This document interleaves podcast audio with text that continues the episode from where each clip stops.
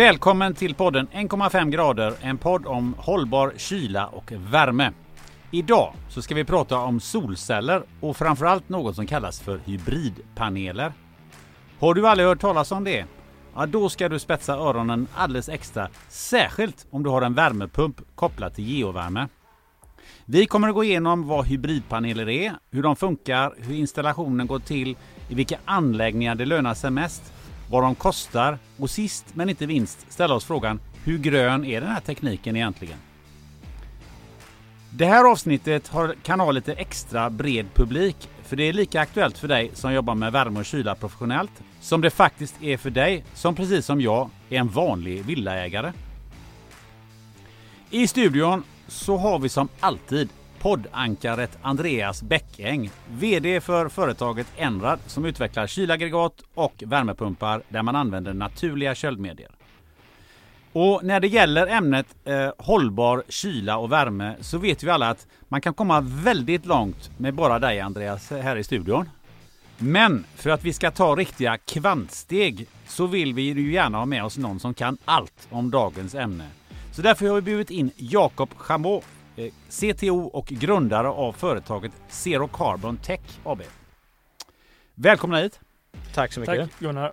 Tack. Jag som leder den här podden heter Gunnar Österreich.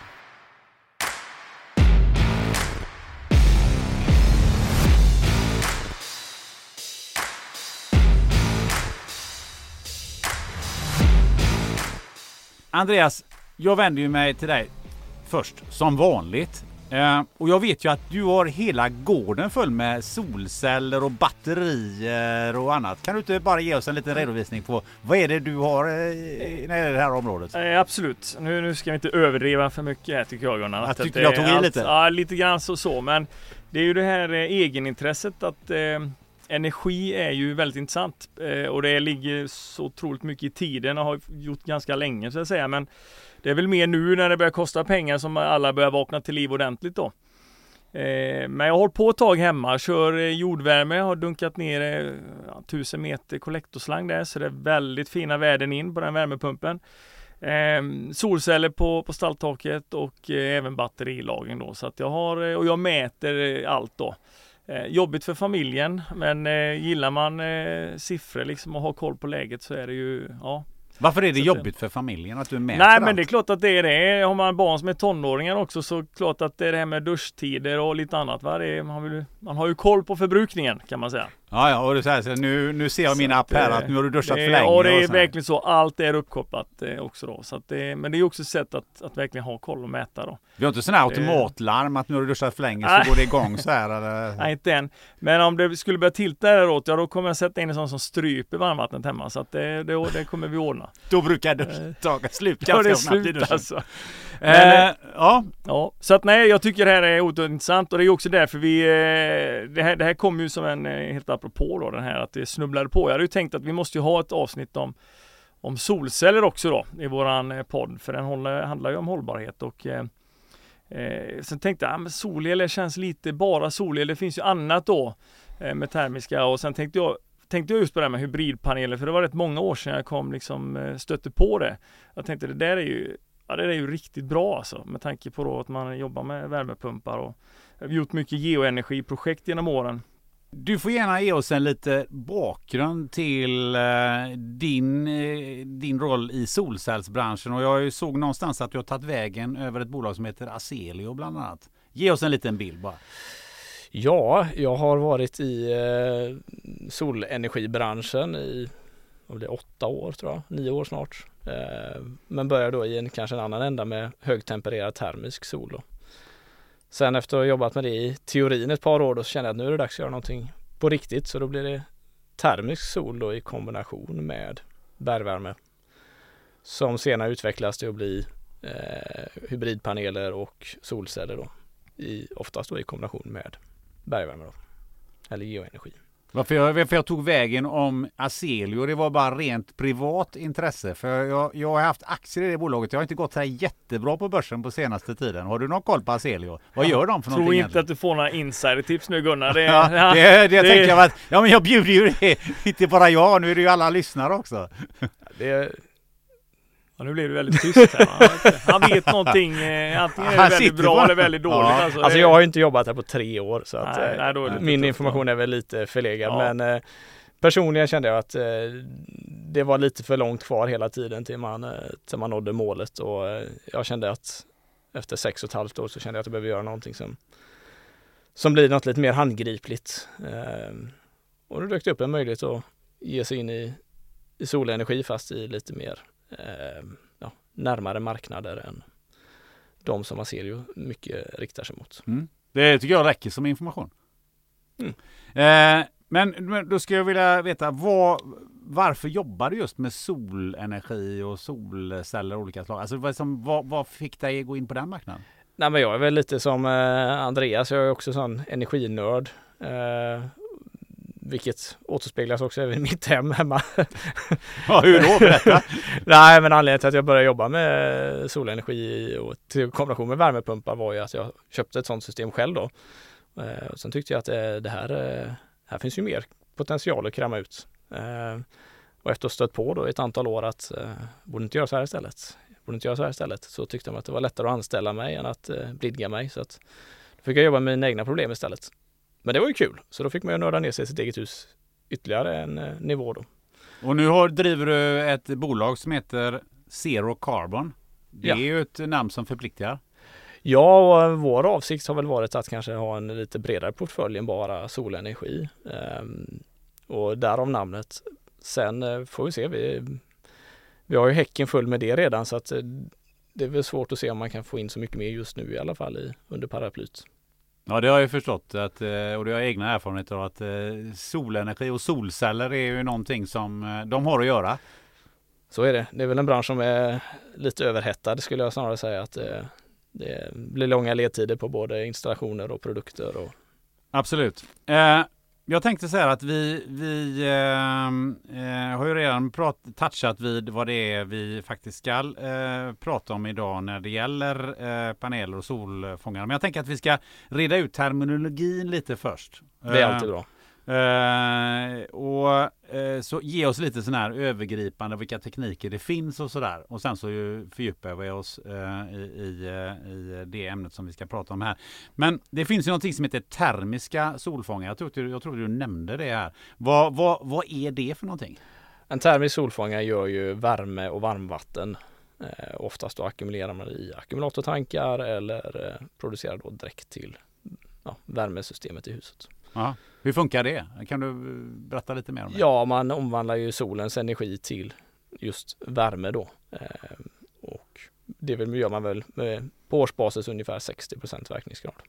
Vad är, är det en gammal teknik eller någonting man använder mycket nu? Eller var använder man det någonstans? Jag skulle väl säga att solvärme i Sverige har väl fått en ganska eh, vad som är, undanskymd roll. Eh, tyvärr. Eh, det är ju ett fantastiskt sätt att omvandla solenergi till, till användbar energi. Men det finns en viss avvikelse mellan när du behöver värmen och när du producerar värmen vilket eh, gör att det är ganska begränsat med applikationer där det blir, blir bra, bra lösningar. Men man kan inte lagra det eller hur är det? Nej, inte säsongsmässigt så i alla fall på något, på något vettigt sätt. Medan el då är ju en, eh, en mer högvärdig energi som man kan använda till väldigt mycket mer saker och eh, det gör väl att det är lättare att, att tilltalas utav det. Att du kan använda det till, till allt i huset men du kan även sälja det vidare. Men vad, vad är det för verkningsgrad på, på de här termiska solfångarna? En termisk på årsbasis brukar man väl säga ungefär 60% Det beror lite på vilka temperaturer man jobbar med och vilka volymer man har att jobba mot. Vad är, vad är 60 procent i det här sammanhanget? Ja, men, eh, vad låt säga alltså? att i Sverige så har man en årsinstrålning på någonstans mellan ja, 900 och 1000 kilowattimmar per kvadratmeter år. Och då omvandlar du ungefär det då, då per kvadratmeter solfångare. Ja, intressant. Eh, om vi då ger oss in i vad, vi, vad jag har rubricerat, rubricerat i alla fall som vanliga solcellspaneler. Det är väl det som är, är det som vi, eh, som säkert jag har köpt och många andra. Ja, alltså 90% tänker ju på solceller när man säger solenergi så att eh, Men vanliga Eh. solcellspaneler, vad, varför, är det de, varför är de så populära? Nej, men det är ju just att du tillverkar en, eh, en högvärdig energi som du kan omvandla till, till annan energi eller andra, andra grejer. Alltså har du en värmepump till exempel så ja, kan du mata in en kilowattimme el så kan du få ut eh, 3 till 5 kilowattimmar värme på andra sidan. Och då har man ju ganska bra hävstång. Ehm, och kollar man i relationen då med, med solvärme då så behöver du ju ändå ha en alternativ energikälla om du jobbar med ren solvärme. Så att, eh, men med kombinationen solceller då och värmepump så får man ju väldigt fin harmoni då att du kan. Ja, varmvatten kommer man inte långt på när man ska driva eh, spisen hemma eller man ska ladda bilen och grejer. Så att det, det, är inte så konstigt att solpanelerna, e- elen är eh, prio ett liksom. Det förstår man ju. Vad, vad är verkningsgraden på den typen av eh, solceller? Ja, men på årsbasis brukar man säga ungefär 20% Så det är betydligt sämre? Ja, energimässigt ja. Så, eh, men då får man ju se då att det är, det är högvärdigt eh, med el och att du kan använda det till allt och du kan handla med det på elnätet. Precis. Men det kan man ju historiskt sett som man ändå inte handlar speciellt mycket med på samma som man gör idag. Alltså det är ju en jätteskillnad det som sker ute på marknaden idag med energipriserna. Det gör ju, och det är inte konstigt att folk blir väldigt intresserade heller. För det är ju, gör du det här på rätt sätt så, så blir det ju verkligen bra. Men vad jag har förstått så eh, är det så att om väldigt många börjar tillverka el med sina egna paneler och så vidare så måste man stärka upp elnätet i, eh, i det området där man bor. För att man ska kunna sälja tillräckligt mycket el. I Sverige så är det väl en lång bit kvar innan det blir ett problem. Det är så? Ja, jag tänker bara man tänker på hur mycket det man förbrukar då. Ja. Eh, ja, så tänker man det man gör åt och det man då matar in då. Man, alltså, oftast är det ändå, okej okay, under sommaren så blir det ju ganska mycket mer än vad man kanske normalt sett skulle köpa då. Men det är ju inte så att nätet kan vara så extremt begränsat. Alltså, du har ju en överföringskapacitet eh, som kan vara ganska stor under vissa perioder vintertid när man köper el till exempel. Då borde det motsvarande vara när du lägger tillbaka och skickar ut elen att ja, då, då bör det finnas ganska stort utrymme tänker jag då. Men det... Ja, nej, men du har ju samma huvudsäkring som du säger, men sen är det också så att ja, elnätet är uppbyggt på att energin ska trilla neråt så att säga och går den åt andra hållet så blir det kan ja. bli lite utmaningar men vad jag förstår som så är det mer tekniskt kanske än eh, ett rejält problem. Ja. Härligt, där avlivar vi det. Ja, då ska vi Sen, kasta... jag, men ja. för att fortsätta svara på din fråga där så skulle jag väl säga att jag tror att ekonomin kommer styra det där betydligt eh, tydligare än eh, vad man behöver styra någonting på något annat sätt. För att när man väl kommer till en nivå där man börjar få en saturerad marknad med solel, då sjunker ju priset och blir incitamentet att investera i mer avtagande. Ja. Så jag tror man kommer få en självreglering där. Men eftersom elpriset är dyrare dagtid och sommartid just nu så är ju incitamentet väldigt stort och det kommer nog förbli så under en ganska lång period framåt. Ja, för vi, vårt elbehov ökar ju eh, och lär öka ett tag, bra tag framöver. Ja. Bra, vi ska inte förlora oss i det, men vi ska kasta oss in liksom i, i huvudämnet och, och då pratar vi, ska vi prata om någonting som heter hybridpaneler. Det var rätt terminologi va? Ja. ja. Vad är det? Ja, det är ju egentligen en eh, vätskekyld solcell kan man säga. Så man eh, nyttjar då eh, solens energi till elproduktion i den mån som solcellen klarar av att konvertera och sen tar du då restvärmen från solen och även en del av omgivande luft och nyttjar det på, till andra applikationer. Hur ser en sån här, kan du beskriva, hur ser en sån här cell ut? Ja, ligger den på taket så kommer du förmodligen inte se någon skillnad på det. Förutom att det kanske går ett rör in då och ett rör ut på andra sidan. Är det, är det, är det då massa rör bakom den här cellen som, som går fram och tillbaka för att värma ja, vi upp? Vi jobbar väl med en värmeväxlare som är av en eh, kanalplast typ. Så att man har eh, eh, säga, små, små kanaler som ligger parallellt då som går från inloppssidan då till utloppssidan. Vad, vad är det för vätska? Eh, vanligtvis så är det väl eh, ett frostskyddsmedel som klarar av att jobba vid högre temperatur än vad man normalt har i ett borrhål. Så vi jobbar väl eh, ofta med eh, glykollösningar eller glycerinlösningar. Ja. Eh, vad, vad är det som är så bra med, eh, med det, den typen av system? Ja, att du använder ju betydligt större del av solens energi. Vi ser väl i, i den bredd av applikationer vi har att vi nyttjar ju någonstans mellan 35 och 140 procent av solinstrålningen.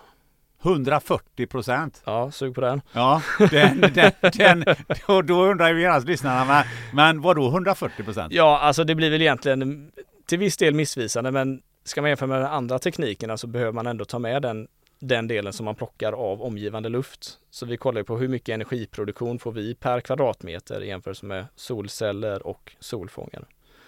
Eh, och då ser vi ju att i vissa applikationer då man jobbar med väldigt kalla temperaturer, då plockar vi ut väldigt stora mängder energi från omgivande luft. Så det blir ju egentligen en kombination av solfångare och luftvattenvärmeväxlare. Ja, men vad, berätta, vad gör du av eh, det här glykolvätskan? Vart tar den vägen? I majoriteten av våra projekt så jobbar man med en vätska vattenvärmepump och oftast då i kombination med eh, geoenergi. Men hur då? Vad gör man då? Eh, så vi använder värme framför allt då på kalla sidan av värmepumpen eh, för att öka verkningsgrader och eh, framförallt tillse att man har en god energibalans i sitt geoenergilager över året och eh, över åren. Så ni, ni, trycker ner där i borrhålet eller? Ja, så den delen av eh, året där du har både solvärme och eh, värmebehov då, alltså antingen värme eller varmvatten, så, eh, så avlastar man ju borrhålet och återför energi. Vilket gör att du får in högre temperaturer då till din värmepump. Eh, sommartid framför allt, men även vintertid. Då. Hur låter det i dina öron eh, Andreas? Jo men jag ser ju det. Jag tror stenhårt på det här. Jag har gjort länge. Det bara komma en teknisk lösning som, är, eh, som man känner fungerar bra då. Det jag sitter och funderar på bara är det hur när man gör större energilager, alltså Eftersom man inte kör etanolen då, eller etylalkohol som man kanske använder annars på geoenergisidan här då. Då, så att säga, då kombinerar man ju aldrig ihop de här vätskorna utan då ligger en, en, de är alltid, det är en separat slinga i alla lägen förstår jag då eftersom det, vi pratar ju sådana extrema värme, extrem värme liksom sommartid på panelerna. Så att då cirkulerar de här i varsin värld och då är det någon form av liten ja, det är en pump någonstans som sitter och växlar av. Ja, ja. Så man har en plattvärmeväxlare just för att säga att man vill ha olika medier ja. som ska jobba med olika koncentrationer kanske ja, och de ska jobba under olika temperaturregister. Um, och just bioetanol då, som är det absolut vanligaste i borrhål idag så ja. är ju det klassas ju som brandbart då när det kommer upp över 30 grader. Då. Ja det är 30, 30 eller 35 eller kanske är 30, ja, jag tror 30 det är 30 Det beror väl lite på, ja, jag ska inte, det är inte ja. mitt styrka men jag, vi brukar säga 30 i alla fall. Mm. Då, då, eh. Ja det är lite jobbigt för det vill man inte ha i solpanelen kanske. Vad, vad pratar vi där? Kan det vara, vad kan det bli som jag tänker varmast? Jag skulle säga att våra de panelerna vi jobbar med tillsammans med e-energi så pratar vi ju 60-65 grader stagnationstemperatur. Okej, okay, men det är ju för att du har kylningen på dem? Jag tänker, nej, nej, det är det, det är stagnation inte, okay. alltså när man inte ja, det är har stagnation när du inte har den, okej. Okay. Ja. Men och det är ju det som är fördel med hybridpaneler kontra vanliga solfångare då, att man får ju Stagnationstemperaturen är under kokpunkten, ja. eh, vilket gör att du får inte förångning och, och den biten utan tappar vi cirkulationen så blir det som en vanlig solcell. Okay. Förklara då för en enkel människa som mig. alltså du, du trycker ner eh, den, den här vätskan, den här värmen i borrhålet. Vad är, vad är för fördel med att göra det? Kan ni förklara det? Ja, alltså kollar man på mindre projekt, alltså villaprojekt, så var det ju många anläggningar som borrades ja, för låt säga 20-25 år sedan där man dimensionerade anläggningar på ett helt annat sätt med värmepumpar som hade en helt annan verkningsgrad, alltså betydligt lägre. Och så sätter man dit en ny värmepump. Man kanske har byggt ut huset, lagt till en pool och helt plötsligt ska du plocka ut dubbelt så mycket energi ur samma borrhål som du gjort tidigare. Och då står du inför alternativet att antingen kompletteringsborra eller att återföra energi då till, till borrhålet. Ja, man borrar väl inte lika djupt? Eh, man borrar inte lika djupt, man, man hade inte stor, lika nej, stora värmepumpar, inte, lite, inte lika hög verkningsgrad. Eh, så det är många aspekter. Ja. Men kollar man på stora nya projekt så är det ju så att har du många borrhål inne på begränsad yta så påverkar ju de varandra i en viss utsträckning. Ja. Ehm, och ju större anläggning du har desto mindre energi kan du plocka ut per löpmeter borrhål. Ehm, just för att de, du kyler ner hela, hela bergskroppen på sikt. Då. Det tar tid men eh, man ser de långsiktiga trenderna så, så fortsätter det neråt över ganska lång tid. Men det du vinner liksom tekniskt sett är ju att du får du en högre temperatur in till värmepumpen så får ju värmepumpen en högre verkningsgrad. Men den får även en högre uteffekt. Och får du en högre uteffekt då så täcker du mer av energibehovet med värmepumpen och du behöver mindre spetsvärme då som oftast är el. Mm. Eh, och kollar man på skräckexemplen då när du får väldigt kalla borrhål då är det ju att värmepumpen kanske till och med slutar att fungera. Den stänger av sig för att det blir för kallt och då går det på ren el istället. Och det är precis det här man inte önskar liksom från ett samhällsperspektiv då, att, att värmepumparna är som sämst när de behövs som mest. Men du nämnde i en, en bisats också att det kyler solpanelen. Vad är det för fördel med det? Ja, du ökar även den elektriska produktionen genom att kyla panelerna. Så det vi normalt ser i geoenergianläggningar är väl någonstans mellan 6 och 8 procent på årsbasis då i ökad elproduktion. Så har du ett begränsat tak så är ju 68 procent mer el är ju, är ju värt ganska mycket. Absolut. Eh, men då funderar jag lite på hur, hur går installationen till utav de här eh, panelerna? Den normala gränsdragningen eh, i framförallt större projekt är ju att man har en solcellsmontör som sköter panelmontaget och eh, hydrauliken bakom då som är pushfit-kopplingar. Eh, och utanför panelerna då så kommer rör då och sammanfogar panelgrupperna och sen ner till teknikrummet och anslutning då till geoenergianläggningen oftast. Så det är, det är tre kompetenser eller yrkesgrupper inblandade där? Det är, det är elektriker, solcellsmontör och en VVS-are? Ja, precis. Och i stora projekt så blir det även styr och regler då skulle jag säga. Vem är det som tar ansvar för att det här blir bra? Oftast är det ju en av disciplinerna då som har ansvaret och den andra blir UE. Så att det kan variera från projekt till projekt. Vi ser väldigt fördelaktigt om den som har totalansvaret har en eh, förståelse för hydraulik i alla fall. Så Men, man, men det, jag bara frågar, spelar, mm. när ni kopplar ihop de här nu då, för ni har ju ett eget system antar jag, eller förstått det som. Alltså ni har ett system där ni kopplar ihop eh, vätskesidan på panelerna. Ja, och det gör ju de som monterar solcellerna då. Ja. Innan man så att säga ska dra ihop dem på någon form av samlad vätskedragning där då från VVS sida. Men behöver de ha någon, eh, alltså är det så enkla grejer så de behöver inte ha några, det är ingenting de behöver dra ihop, det är bara kopplingar helt enkelt som du trycker ihop eller? Ja alltså vi jobbar med ett fabrikat som heter eh, Dual Sun och de mm. har ett system där de har eh, ja, slangar med förfabricerade kopplingar på dem med rätt avstånd. Så du lägger ut de här innan du lägger ut panelerna och sen trycker du i de här allt eftersom du lägger okay. panelerna. Så okay. att det är de är lite trögare än eh, MC4-kontakterna du har på sol då, men, eller på solelsidan då, men eh, ja. ungefär samma komplexitet okay. som och då är det, tänker jag med tryckfall och liknande då, så när man bygger sådana här system så har du, du sätter inte upp hur många som helst antar utan du får sektionera ja, de här på något precis. sätt. Då. Vi sätter ju upp, upp till sex paneler per grupp. Okej. Okay. Ja det är inte mer än då sex, okej. Okay. Mm. Nej. Ja. Så hydrauliskt blir ju alla paneler parallellt i, på ja. taket och elektriskt ligger de oftast i serie. Då. Ja.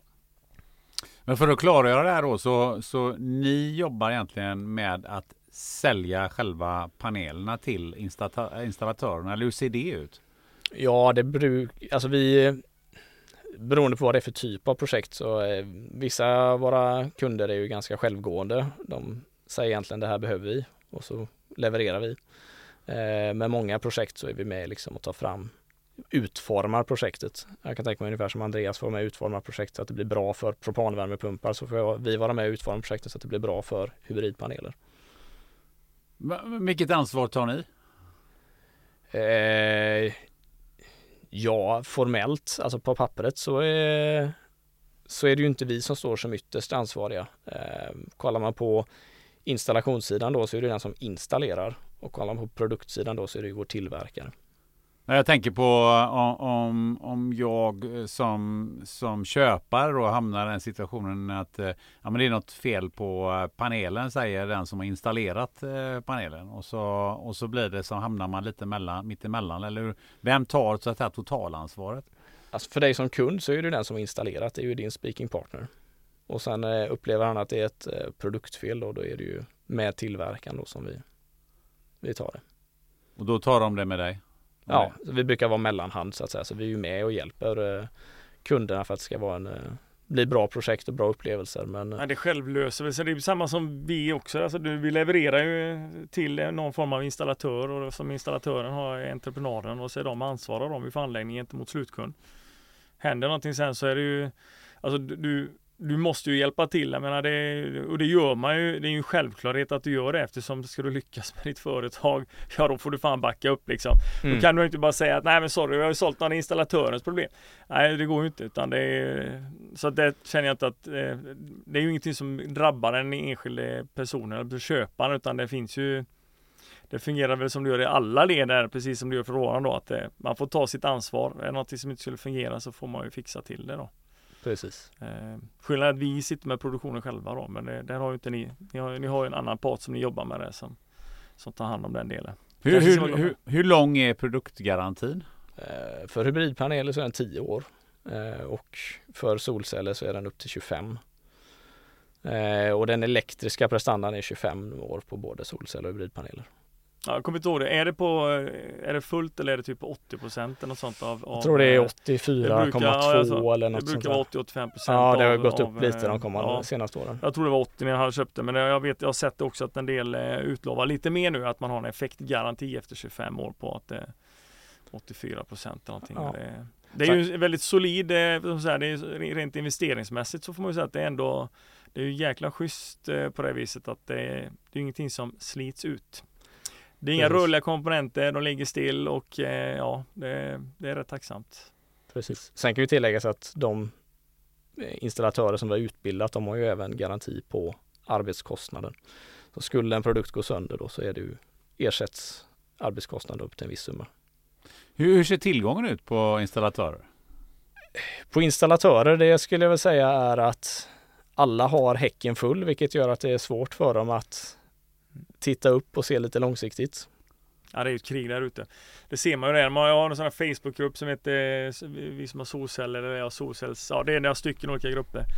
Jag Kan fundera på hur en del tänker där också ibland. Men det är, man, man förstår ju liksom att det är ju vilda västern där ute. Man får ju vara tacksam att man varit ute för, för flera år sedan. För det är, det är ju verkligen helt galet när man hör talas om dels ledtiderna men hur, för att så fort man har ett område som blir attraktivt där du kan sälja väldigt lätt va, så drar det ju till sig ganska mycket oseriösa människor också. Vilket också märks då. Att Mm. man ser ju en del riktiga skräckexempel på hur de installerar.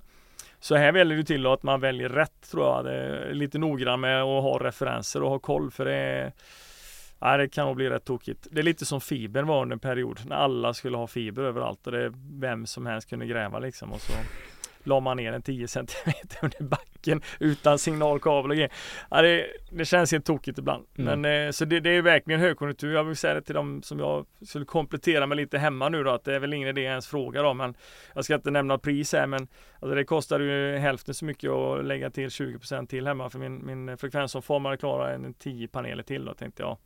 Kan jag utöka till 65 istället då men det, det kostar ju typ 50% av hela den stora installationen gjordes. Jag kände bara att nej, det kan vi hoppa. Och då sa den, ni har ju en guldålder liksom där ute nu, men det, han tyckte inte det själv då. För att just det här att svårt att få tag på liksom Ja. material, svårt att få tag på bemanning och, och resurser som kan montera och sådär. Så att det, Ja, men det är en jätteutmaning. Alltså det är, även om panelerna har en leverans på kanske 3 till 4 månader så är den i alla fall förutsägbar. Men den är inte mer ändå just nu när vi sitter här och pratar, var det, 27? Ja, men den har varit det. där ganska länge Jag var typ- faktiskt. okej. Det känns som att det är liksom 10-12 månader. Vi, när vi tittar på vår verksamhet så har vi Ja. en del riktiga sådana här eh, hemskheter. Men Men på montagesystem och växellykta verkar det vara mer kaotiskt just Ja. nu. Så vi har ju hållit på med något projekt uppe i Stockholm där man har Ja, man ska installera och sen eh, visar det att växellyktan kommer inte förrän april. Nej.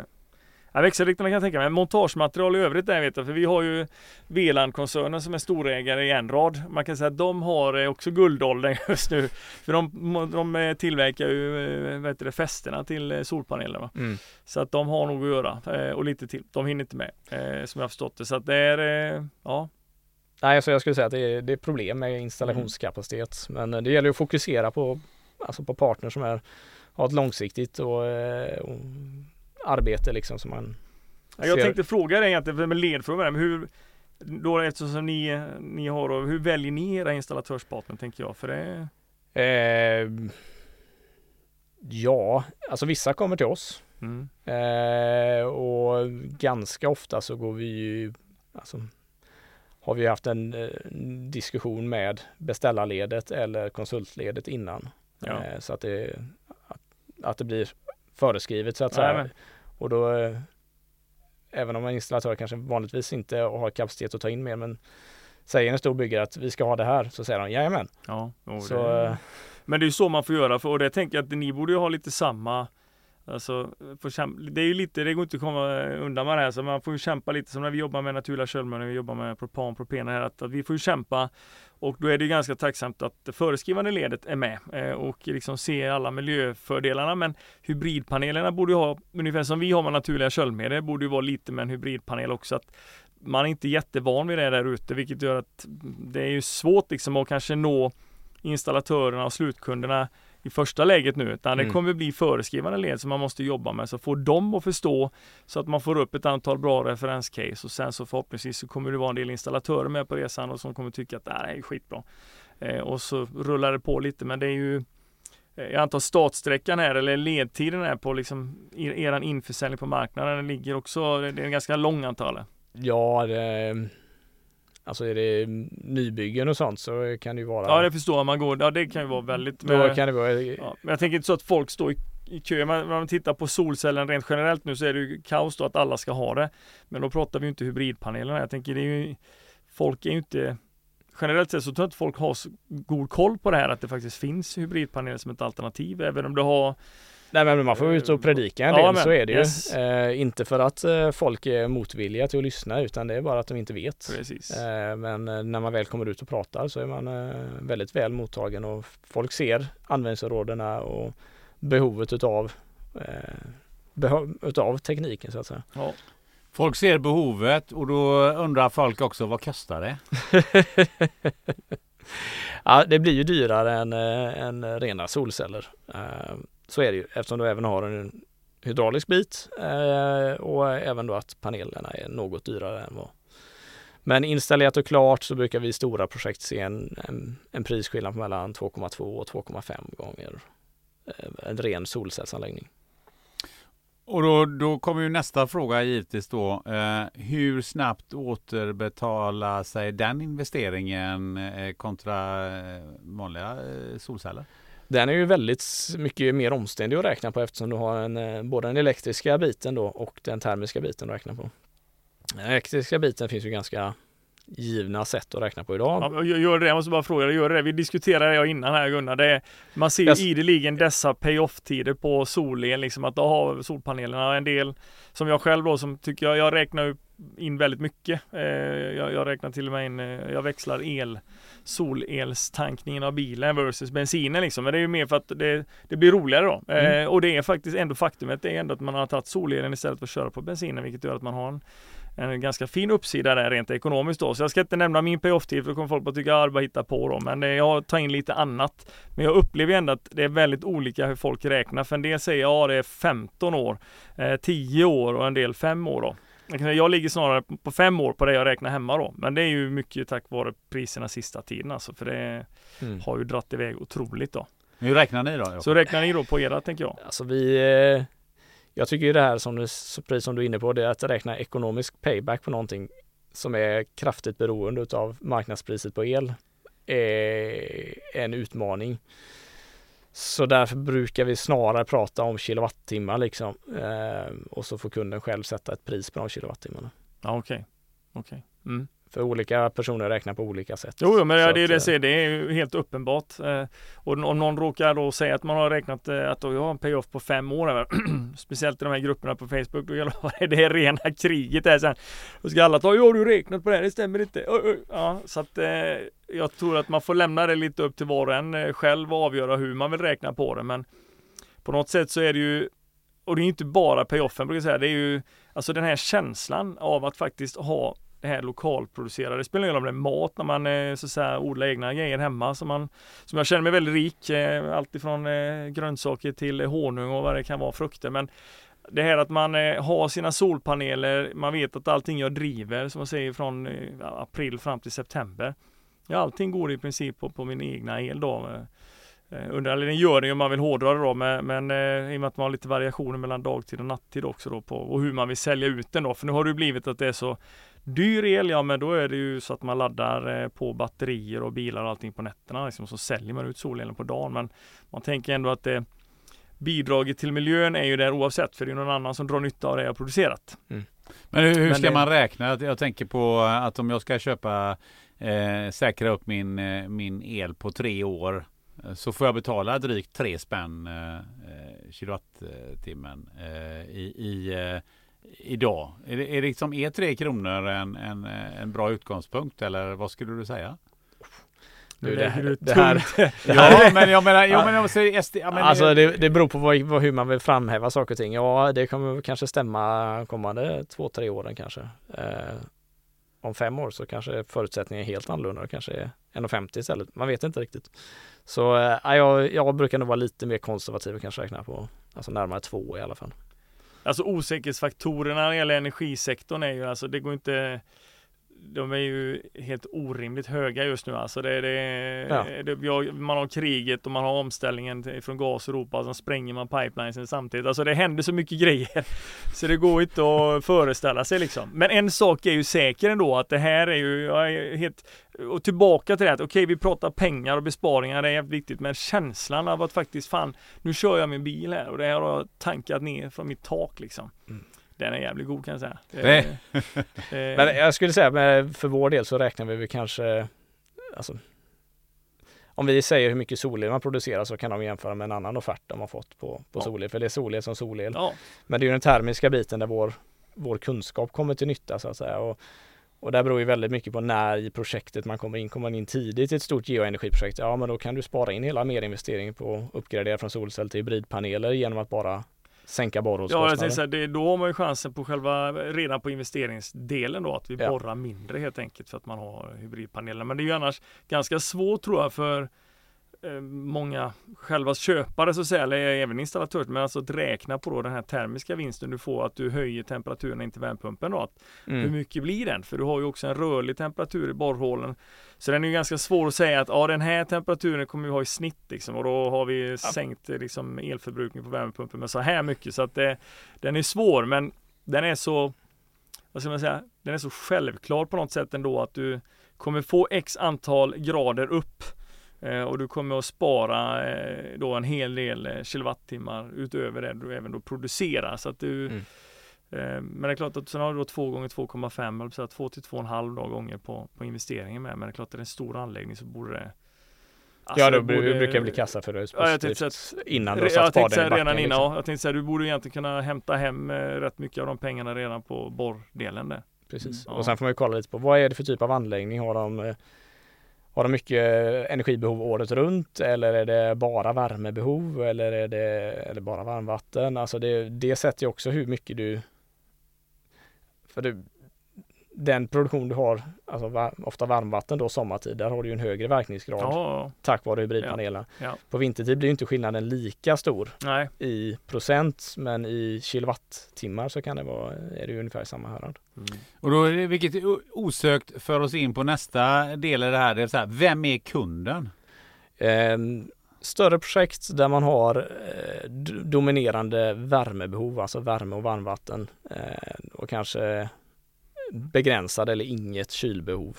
Ehm, och då pratar vi oftast flerfamiljshus eller annan typ av verksamhet som och någon, Jag tänkte bara haft någon industriprocess liksom där. Jag tänker det finns ju vissa där man nyttjar en hel del värme men det det finns. Ja. Men man, man, ska, jag... man ska orka, orka tugga på alla, ja. alla benen ja, samtidigt. Nej, så är det. Jag tänker när vi var på konsultsidan så tänker jag då kanske vi fångar upp dem. Men hur kommer ni åt flerfamiljshusen om ni tänker rent kundmässigt? Alltså om ni Alltså de har ju ett incitament att nå låga energikrav, alltså både på grund av regleringar ja, men ja, även då få liksom energiklassificeringar på husen som i sin tur sätter deras fastighetsvärde då.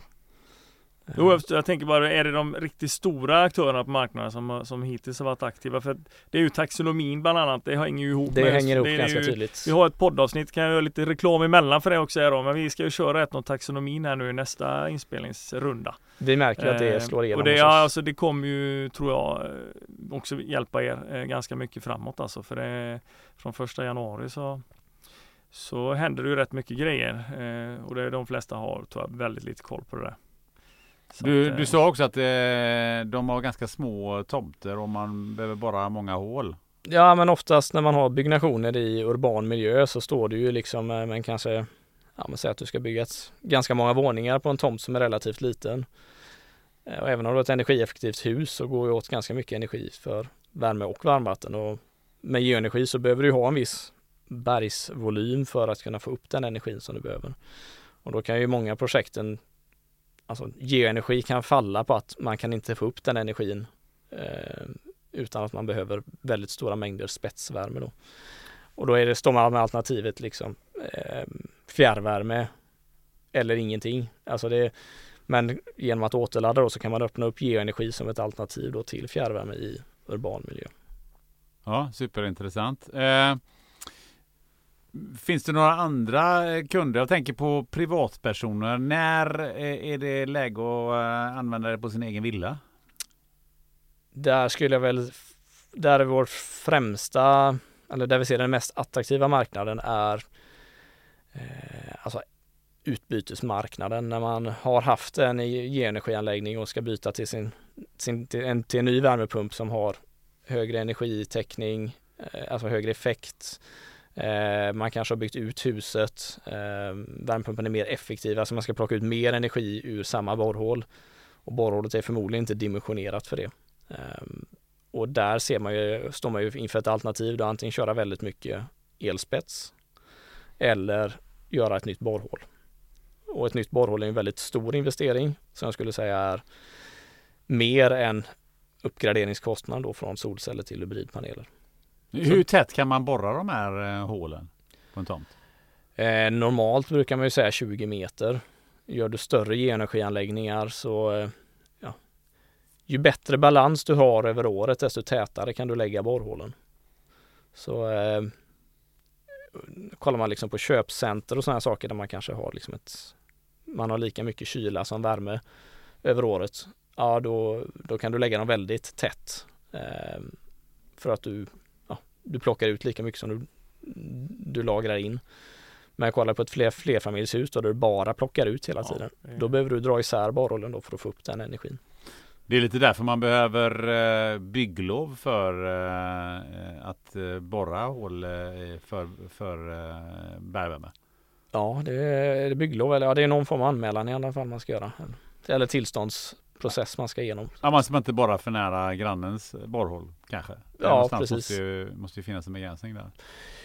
Ja, jo det Ja, du måste ju alltid ansöka. Det är väl samma. Jag har lagt ner, även om jag bor på landet, så man fick ju, får ju ansöka hos kommunen för att eh, lägga ner jordvärme och det är precis samma om du ska borra. Det blir, vi kommer komma in på det också i ett annat avsnitt om geoenergi med. Då, kan vi, då ska vi gräva ner oss lite mer än det här. Men tillstånd måste man ju alltid söka i de här sammanhangen. Och sen har man ju vätskor och liknande. Det ska ju redovisas ganska mycket. I alla fall som jag minns när jag gjorde min hemma. Det var som exakt var den ligger och hur mycket vätska det är, vilken vätska det är och ja, hur många meter det är man har lagt ut. Och, alltså det är ju Jag gissar att det är samma på, på borrningen här. Att det är du får tala om ganska, spesa ganska väl var du placerat den. Och sen samlar de mycket data men det kommer vi, kommer vi komma till det avsnittet med. Men det är ju ge-energi. Att de har ju det finns ju också tillgång till ett ganska bra, en ganska bra databas med så man har rätt bra koll över hur landet, hur det ser ut och sådär på olika områden man ska borra i.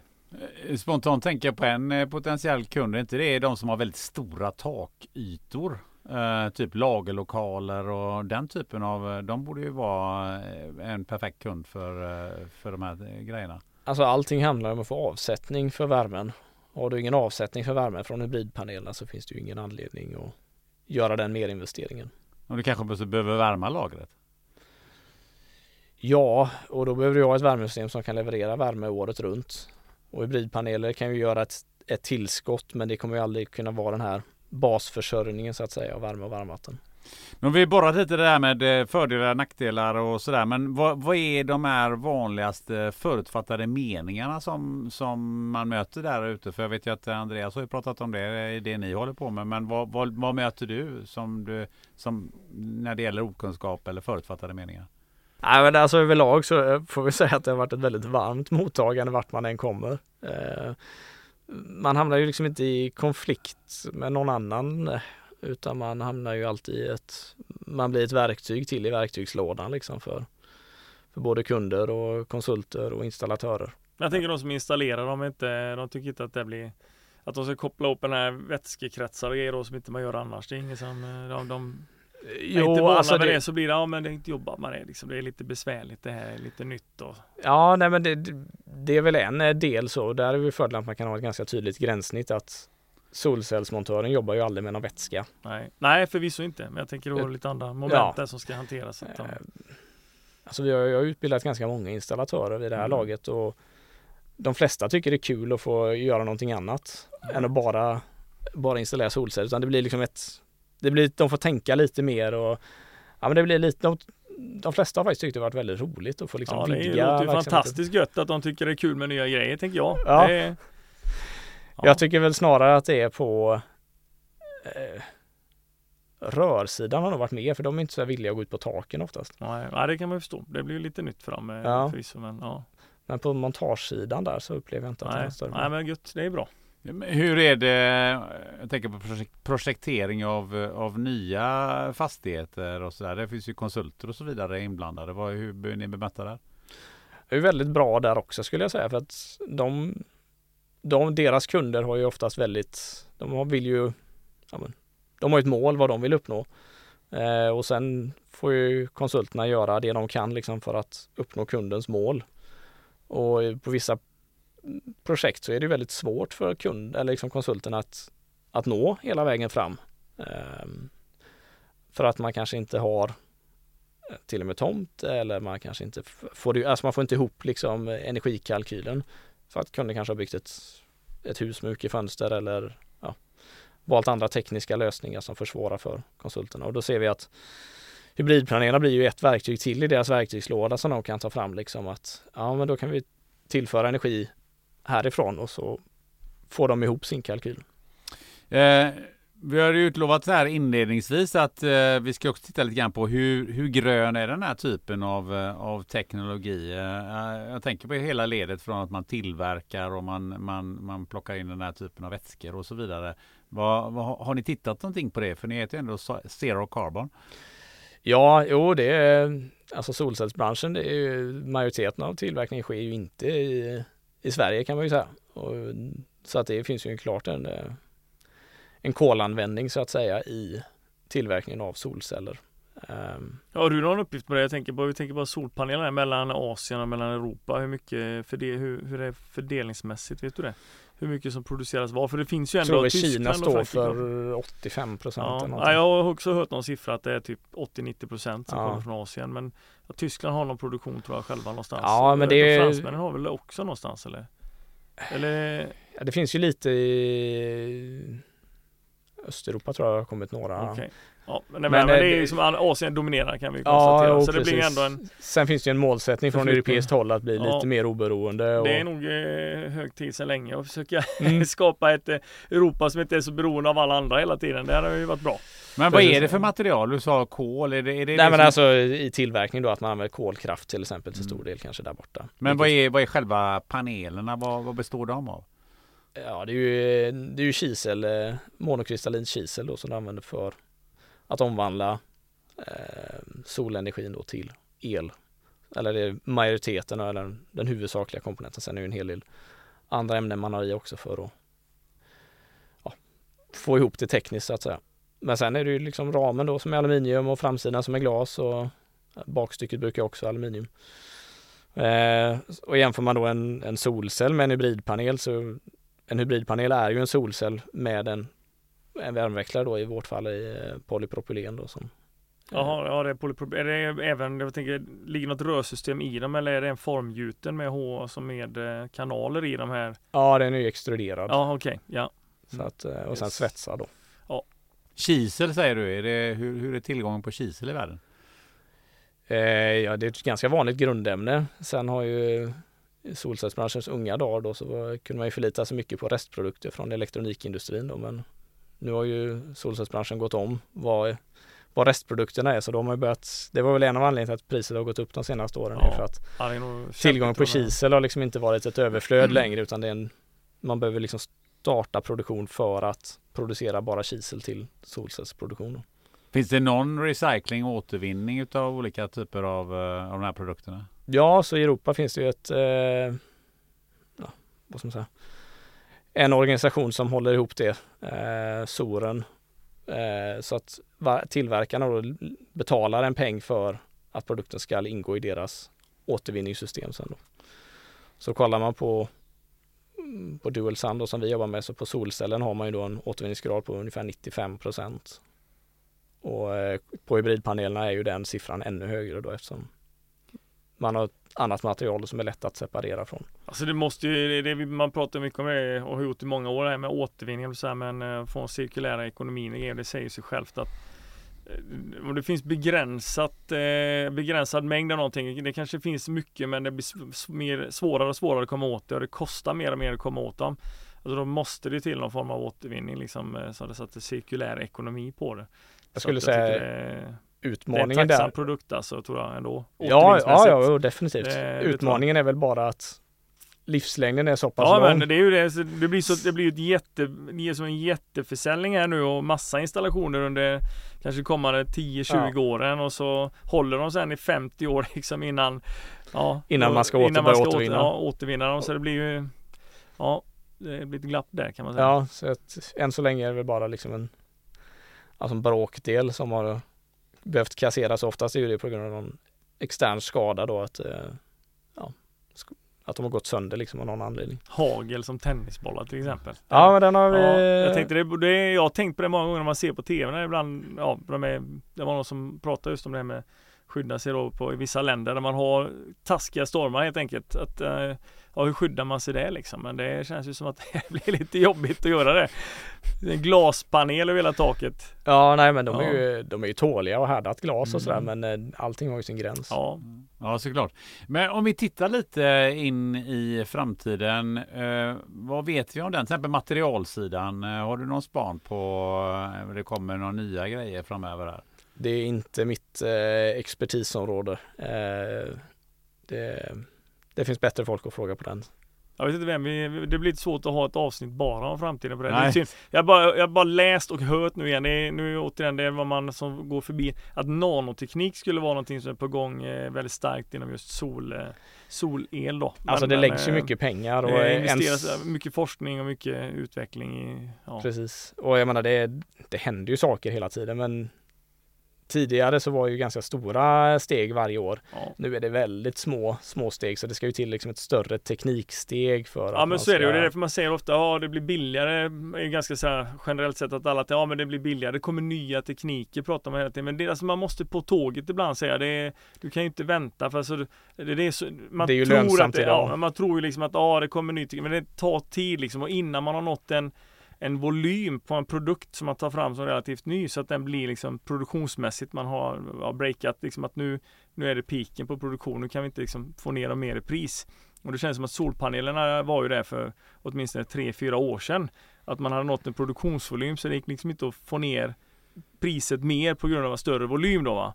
Sen har det ju då blivit tvärtom nu. Nu har ju volymen ökat så mycket på vad gäller folk som vill ha solpaneler så att Ja nu har ju så blir priserna gått panel, då upp går det upp istället då. Så, Men, ja. eh, Vätskan eh, eh, som ni använder, kan man använda dem den till andra grejer också eh, i, i andra system? Eller finns det, någon, finns det ett ytterligare användningsområden? här? Eller är det, är det just att, för att eh, jobba med värmeväxlar? Eller finns, ser man, kan man se någonting framåt där? Alltså det hybridpaneler vi har går ju även att använda till eh, alltså direktproduktion då, alltså poolvärme och sådana saker. Men eh, eh, eftersom vi fokuserar på mycket större projekt i dagsläget så kommer man till de här stora utomhusbaden och sådär då sätter vi oftast en värmepump emellan ändå för att kunna hålla uppe temperaturer och sånt. Eh, om vi börjar närma oss en avrundning här. Jakob, eh, tycker du att vi har täckt in området eller är det någonting som du känner men det här borde vi ha pratat om? Man blir aldrig klar med det här ämnet tror jag men eh, är det något väsentligt vi har eh, förbigått så att säga?